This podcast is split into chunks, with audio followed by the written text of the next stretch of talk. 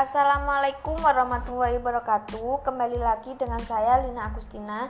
Kali ini saya akan membahas tentang peran dan perilaku pasien.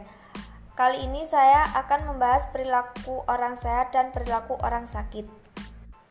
Keadaan sehat dan sakit pada prinsipnya mempengaruhi perilakunya.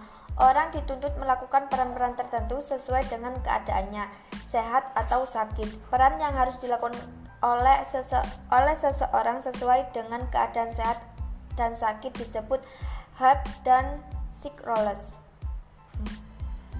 Orang yang sehat dituntut untuk melakukan peran-peran tertentu dan bertanggung jawab terhadap diri dan orang lain. Sementara orang yang sakit dituntut untuk berperan sebagai orang yang sakit dibebaskan dari tanggung jawab normalnya, bahkan tidak perlu bertanggung jawab terhadap diri dan orang lain.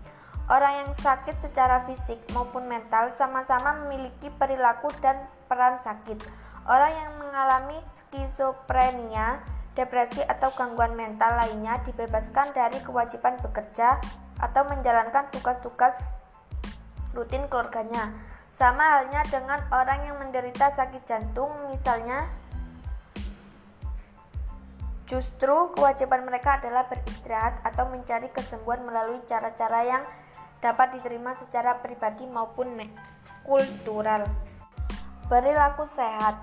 Perubahan perilaku orang sehat adalah suatu keadaan yang timbul sebagai akibat adanya dua atau lebih keinginan, kondisi, atau dorongan yang tidak harmonis.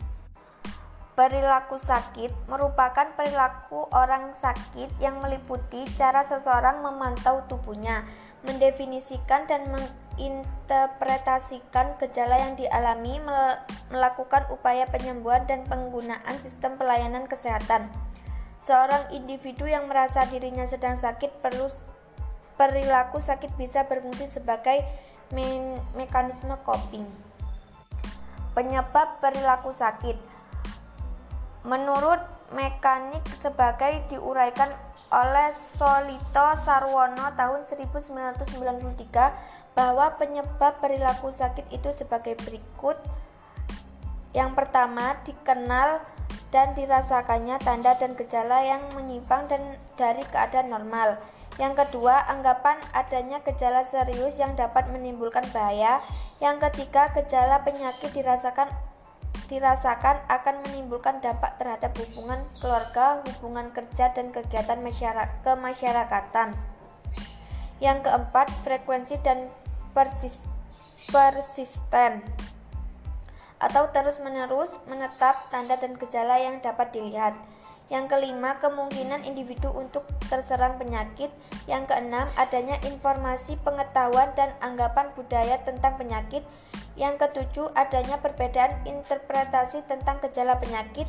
Yang kedelapan, adanya kebutuhan untuk mengatasi gejala penyakit. Dan yang terakhir, terjadinya berbagai sarana pelayanan kesehatan seperti fasilitas, tenaga, obat-obatan, biaya, dan transportasi. Faktor-faktor yang mempengaruhi perilaku sakit yaitu ada faktor internal, faktor eksternal. Dampak sakit ter, yang pertama terhadap perilaku dan emosi klien. Setiap orang memiliki reaksi yang berbeda-beda tergantung pada asal penyakit reaksi orang lain terhadap penyakit yang dideritanya dan lain-lain terhadap peran keluarga. Setiap orang memiliki peran dan kehidupannya seperti pencari nafkah, pengambil keputusan, seorang profesional atau sebagai orang tua. Yang ketiga terhadap citra tubuh. Citra tubuh merupakan konsep subjektif seseorang terhadap penampilan fisiknya. Beberapa penyakit dapat menimbulkan perubahan dalam penampilan fisiknya dan klien atau keluarga akan bereaksi dengan cara yang berbeda-beda terhadap perubahan tersebut.